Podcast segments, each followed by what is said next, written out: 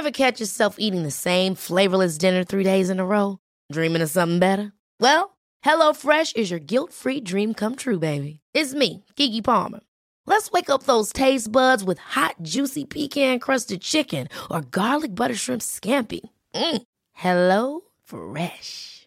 Stop dreaming of all the delicious possibilities and dig in at HelloFresh.com. Let's get this dinner party started.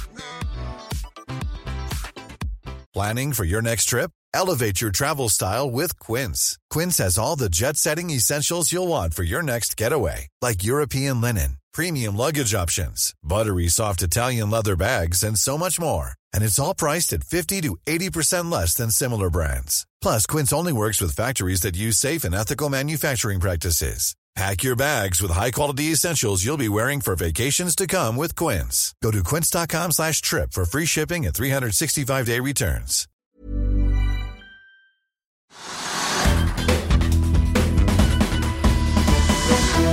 Da skal vi over til eh, neste gjest, som ikke bare er eh, forvalter, men også en aktiv deltaker i Finanspraten som går på sosiale medier. Velkommen til oss, Thomas Nilsen, eh, forvalter i First Veritas og First Nordic Real Estate. Tusen takk. Kult å være her. Så vi har liksom hele ja, ja, ja. rekken her. Og i pappaperm, får vi si. Absolutt. Ja. Går rundt og triller barnevogn og håper jeg slipper å møte på Jan Haudmann. ja, vi får se. Det kan være du slipper det. Du, vi får nesten gratulere. Det er drøye to år siden Veritas-fondet ble startet nå. Takk. Ja, det stemmer. Det er blitt drøye to år. Ja. Mange er jo, syns det er gøy å følge med på deg, for du er jo av og til litt sånn brutalt ærlig, ikke bare med andre, men med deg selv også. Fondet bikket i, i minus tidligere i høst, og du, du var ute og ba om unnskyldning og var ganske ærlig. Hva er det som får deg til å liksom være så ufiltrert? Nei, men Det er jo bare fakta. og Det er jo sånn jeg liker å finne selskaper. Du må være på samme måte tilbake mot deg selv. da. Spør kanskje ikke om om unnskyldning sånn sett. Bare bemerker at det sånn er det, og det er fakta. liksom Hver eneste dag teller. Du kan ikke bare glemme de dårlige dagene og justere resultatene dine, for det er en del av hverdagen å gå i minus også. Så det syns jeg bare er helt på sin plass, da, å dele det på samme måte som man deler når det går, når det går bra. Ja. Fordi hvis alle, hvis jeg, jeg, gjør mange trader, så hvis jeg bare nevner de gode tradene, liksom, så vil det se bra ut. Da, men liksom, summen blir målt hver dag. Og så er det tilfeldigheter på kort sikt, og vi har ikke holdt på mer enn et par år, så det er masse tilfeldigheter, og sikkert kanskje utelukkende tilfeldigheter, hvem veit. Men uh, Så vi må jo se dette her lang tid. Så jeg mener ikke å be om unnskyldning for å ha vært lav avkastning i år, fordi det er tilfeldig. Det var jo høyere i fjor, og ikke sant? gud veit hvordan det blir neste år. Det svinger. Men er, opplever du, er det liksom mange investorer i fondet som uh, du er i kontakt med på sosiale medier? eller liksom uh, Skaper det mye liksom, engasjement der ute? Det er masse interaksjon. Og det er kjempegøy, fordi du får en ting er du får skryt innimellom, det er jo hyggelig, og så får du konstruktive tilbakemeldinger som gjør at du kan forbedre den filosofien og måten du jobber på. Folk pirker borti interessert i ganske energike greier.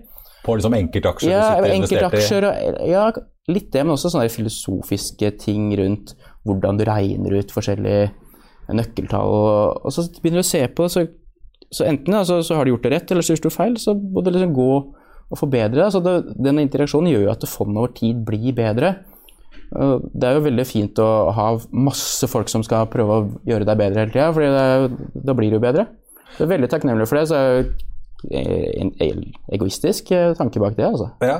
Du, jo, nå går jo praten litt, for jeg tenkte vi skulle se litt. da, Hovedveksten er jo opp en drøye 26% så langt i år. og Det har jo vært helt ned på ja, 16-17 så vidt jeg husker. Eh, så litt avhengig av når eh, på, på, høsten man målte, men i hvert fall nå er det jo nesten 30 eh, Og så har det vært, vært, en diskusjon om at særlig de det var en del pensjonskasser i Danmark så jeg, som liksom solgte seg ut av olje og gass og fossile aksjer med brask og bram, og nå har de gått glipp av masse oppside og avkastning med stigende energipriser. Hva er det som er hovedgrunnene til at fondet ditt ikke har fått med seg den oppturen på, på Oslo Børs? Det er sikkert mange grunner. og Hvis jeg skal prøve å se på hvilke aksjer som har gått masse opp som ikke vi har eid, så ville jeg ikke eid de selv om jeg visste det jeg veit nå. Da kan du godt si at da er du virkelig tjukk i huet. Men liksom, min filosofi er ikke å eie den type aksjer. Hvis jeg hadde eid det, hvis vi hadde gjort det godt i år, så ville det vært en refleksjon av at jeg ikke hadde fulgt det jeg har sagt jeg skal gjøre. Du må leve med når du har en veldig klar filosofi, så vil ikke den alltid gjøre det bedre markedet. Jeg er ganske sikker på at uh, historisk i hvert fall, er overbevist om at det er en filosofi som kommer til å gjøre det bedre over tid. Det må leve med at det er enkelte perioder som man ikke gjør det også. Ja, for ta, ta, oss litt gjennom Det altså, du, det er jo mange teorier og måter å investere på i markedet. Du går etter hva skal vi si, kvalitetsprinsippet, eller jeg vet ikke hvordan man skal, ja, jeg, hvordan, hvordan vil du oppsummert det? Ja, jeg gjør det. Og jeg liker at selskapene skal vokse, jeg liker at det skal ha god avkastning på kapitalen, jeg liker at det skal ha stabile marginer, jeg liker at det skal ha god cash conversion, og bl.a. i det stabile marginer, da, så ser du at de selskapene i fondet vårt i år, de har vokst veldig bra. De vokste mindre enn en del andre i markedet, eh, fordi de vokste ganske bra i fjor også. Men i fjor så var jo inntjening til markedet ganske brutalt ned. Klart Hadde du 10% margin da, i 2019, og så hadde du 1 i 2020, og så har du 9 igjen nå, da. Og så har du innmari god vekst i år. Men det er ikke den type selskaper vi er ute etter. Fordi over tid så vil ikke det bli bra. Du er sårbar. og uh, så jeg er lite stress over at vi har lavere avkastning enn markedet i år. Altså, så man ikke være sånn hvert år, altså. da må jeg finne på noe annet å gjøre. Men uh, ja, men det er forskjell på kasino og langsiktig sparing. Eh, strengt tatt. Du skrev nylig i Finansavisen om eh, In EBITDA We Trust, ja, ja. som er jo et morsomt ordspill. Litt egentlig nå som kvartalssesongen begynner å gå mot slutten, så oppfordret jo folk til å kanskje ikke begynne å lese foran i resultatpresentasjonen, men begynne bakerst. Hvorfor det? Det er jo ofte sånn at selskaper vil jo at du skal fokusere på det de vil du skal fokusere på. Jeg blir litt sånn overraska over overskrifter ofte, der det er veldig mye sånn skjev fremstilling. Jeg sier ikke at det er noen som lyver, eller det er sikkert det også, men, men de bare fremstiller det veldig skjevt. Og, du må ikke tro at alle er så dumme at du ikke klarer å lese et regnskap. Eh, det blir liksom litt som å, å ha et Photoshop og bilder på datingprofilene. ikke sant? Du blir avslørt på det. Og husker at EBT justert for alt mulig rart var kjempehøy, og så ser du resultatregnskapet og cashlån ikke minst, at det der eh, var dårlig, og det har vært dårlig lenge, og dette her er, henger ikke sammen. Så, så, tenker jeg at da får du ikke noe kredibilitet, da. Bare si det som det er, at vi er i en investeringsfase, eller vet du, det er underskudd nå. Men ikke prøv å pynte på det, for det, folk liker jo de de kan stole på. Si når det går bra, si når det går dårlig, liksom vær troverdig over tid så tror jeg du får både høyere prising og mer kredibilitet i markedet enn å skulle bare skryte av ting som er opplagt og uh, at det er bare en del av sannheten uansett. Det er kanskje ikke en veldig viktig del heller. Ja. Hva, er det, hva, er det, du pleier å se på? da? Altså, EBTA, brutto driftsresultat, eh, kanskje litt enkelt oversatt. Eh, det er jo før man ta med av- og nedskrivninger på investeringer. Og, så det er jo egentlig liksom Ja, om du tjener noe på salget ditt løpende, så kommer jo alle postene med om du har noen penger til å dekke alt det andre senere. Ja, vi, vi ser jo til selskaper som tjener godt med penger. da, Jeg, jo, jeg forvalter aksjefond, jeg aksjer, så jeg er interessert i hva som kommer tilbake til meg. Før det kommer bort til meg, så skal vi betale skatt, vi skal betale rentekostnader i den grad selskapene gjelder, like helst at de ikke har gjeld i det hele tatt. Og skal du betale, du betaler ikke avskrivninger, men du betaler investeringer. Og avskrivning er en form for normaliserte investeringer, så du må jo betale det over tid også. Og Vi er en del kapital i et selskap som ikke har så mye men i den grad de har investeringer, så må de jo avskrive de, og da det er ofte fair å bruke. da. Så jeg må se hva er det som kommer til meg, for det, det som kommer til meg, ligger da til grunn for både utbytte og kanskje de kan allokere til videre vekst eller tilbakekjøp eller andre ting som, som kommer meg til gode. Så det, det, er jo det jeg ser etter. Så kan enkeltkvartaler er veldig kort tid, så vi må se etter hvor lang tid. Jeg kjøper ingen aksjer som ikke har regnskapshistorikk tilbake eller som er minst tilbake til 2011, da. Ja, Så da har du, du har ikke kastet på Auronex Growth-bølgen av masse nye selskaper, da, med andre ord? Nei, og det, det kunne jo fortsatt vært et nytt selskap som eksisterte lenge før det kom børs. og Det, en, det finnes eksempler på det også, som, som, vi gjør. Men i det store hele så et snittselskap snittselskapet i fondet er fra 1977 eller noe sånt. Da, så det er jo relativt grei det, det er ikke døgnfluer, da. Nei. Vi har jo diskutert uh, prisingen av f.eks. Autostore, som var en kjempestor børsnotering her nå i høst. Uh, åpenbart et veldig imponerende selskap, uh, som har jo lagd noen veldig avanserte roboter, men de tjener jo ikke akkurat noen voldsomme summer. kastet du det på den IPO-en, eller? Nei, jeg gjorde ikke det, og det betyr ikke at det er noe, at ikke det kommer til å gå bra av den grunn. Fordi alle selskaper, også de som vi har investert i, var jo nye en gang. Autostore og eksisterte en god stund, og Amazon også tapte jo penger en lang stund, selv om det var en god investering.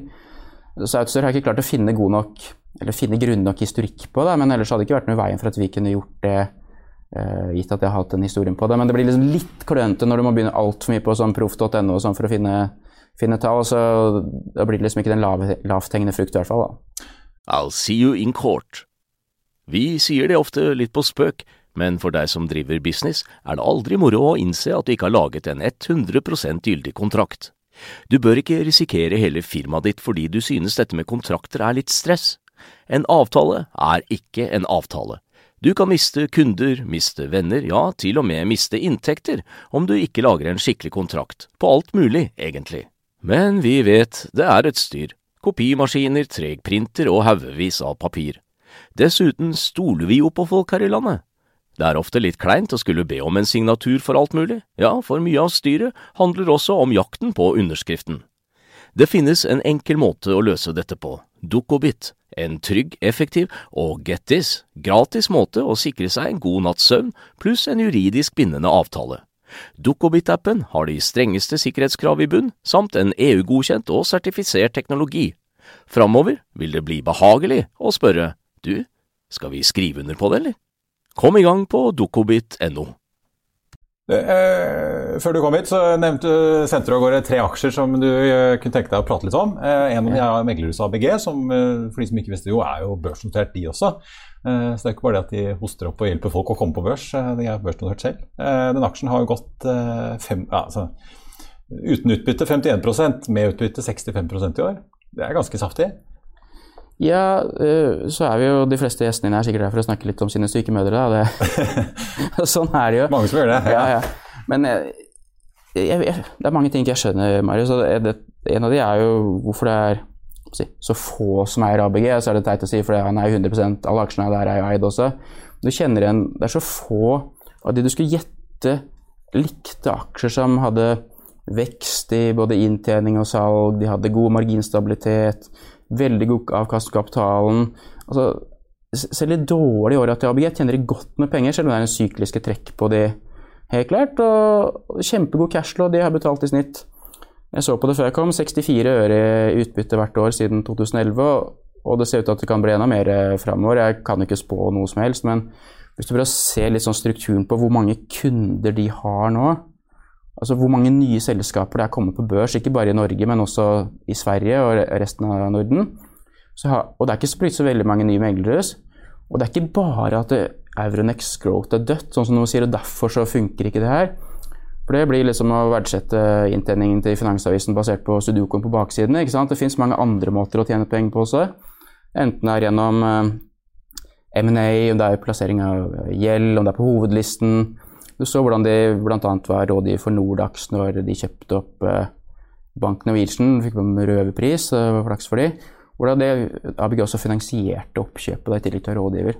Det er masse ting, og de selskapene kommer til å trenge masse hjelp på ulike måter. Enten det er nedsalg av aksjer eller emisjoner for å vokse, eller emisjoner fordi det ikke går bra så de trenger penger, eller eh, M&A hva måtte gjøre.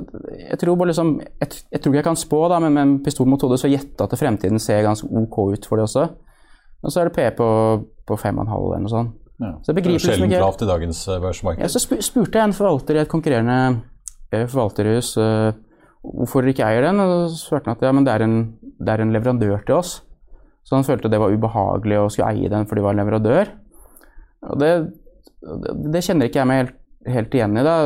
Jeg eier aksjer i Pandora, men jeg må kunne gå og kjøpe julegave til dama for det, liksom. Fordi sånn er det jo, du må kunne kjøpe de aksjene som er det. Men det, det er kanskje derfor den er så billig, da, for det er mange som ikke Eller Telenor og ha mobilt bredbånd fra samme ja, selskap. eh, Olav Thon, da, de har jo ikke gjort det spesielt eh, bra i år, eiendomsselskapet? De har gjort det ok over tid, men det er jo den aksjen som skiller seg ut som den helt klart lavest prisa, uansett hvordan du ser på det eh, av alle eiendomsselskaper, og spesielt hvis du ser retta mot uh, Sverige, der de har fått ganske bra prising på en på en del så skulle jeg ønske at aksjonærvennlig er feil ord, men at de kanskje var litt mer smarte når de først er i kapitalmarkedet. Og skal de bruke masse penger på å kjøpe nye si, kjøpesentre eller nye bygge med ny kost, da, når den da er, som de sier, på for noe tilsvarende 330 kroner per aksje, så handler de sjøl på 200. Da. Eh, og ser du i forhold til inntjening, så er det jo enda mer attraktivt. Så jeg skulle ønske de ville kjøpe tilbake aksjer. Ja, det ville vært en veldig fornuftig eh, kapitalallokering. Så jeg håper at vi kan lage en sånn demonstrasjon utafor der og få, ja, bare trykke på knappen. Du kjøper inn fakler? Hva sa du? Du kjøper inn fakler? Ja, ja, jeg kjøper fakler. da blir, se om det blir eh, fakkeltog. Det siste er jo eh, Bouvet. Jeg så Sparebank1 Markets-analytiker Petter Kongsli var ute og trakk litt i bremsen etter den kraftige oppgangen som har vært. Hva er det du har eh, bitt deg merke i på, på dette IT-selskapet? Jeg trakk litt sånn fram den fordi litt sånn tematisk årsak at eh, man må huske på at avkastning kommer veldig ujevnt i, i mange aksjer. Og når vi startet året, så var den ca. 70 kroner. Så falt den ned i tror jeg var 57 eller noe sånt. Uten at egentlig noe hadde skjedd. Og så har den gått opp til ikke, nå er den 77 eller noe sånt. da. Og Jeg skjønner ikke hva som er er bra. De bygger verdier hver eneste dag. Kjempeflinke, ansetter folk. eh, Fakturerer bra marked, bra selskap. Alt er bra. Og så bare går aksjekursen sånn her for det. Og da må man liksom bare ikke la seg syke ut, da.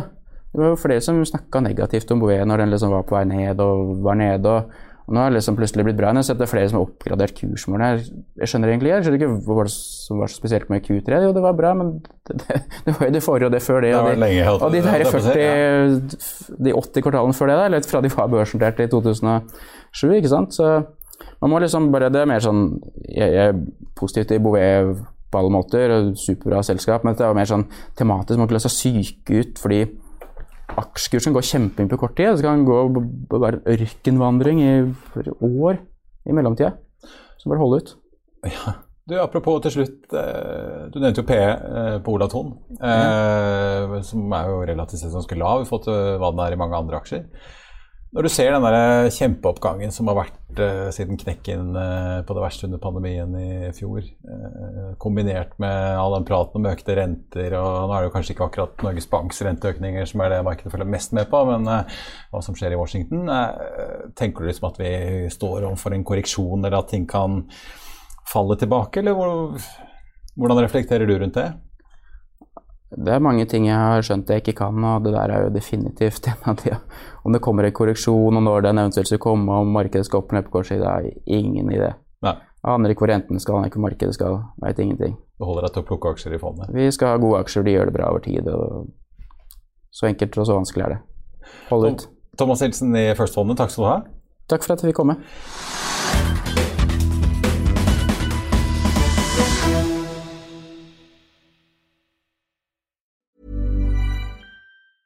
Hey, it's Danny Pellegrino from Everything Iconic. Ready to upgrade your style game without blowing your budget? Check out Quince. They've got all the good stuff shirts and polos, activewear, and fine leather goods, all at 50 to 80% less than other high end brands. And the best part? They're all about safe, ethical, and responsible manufacturing.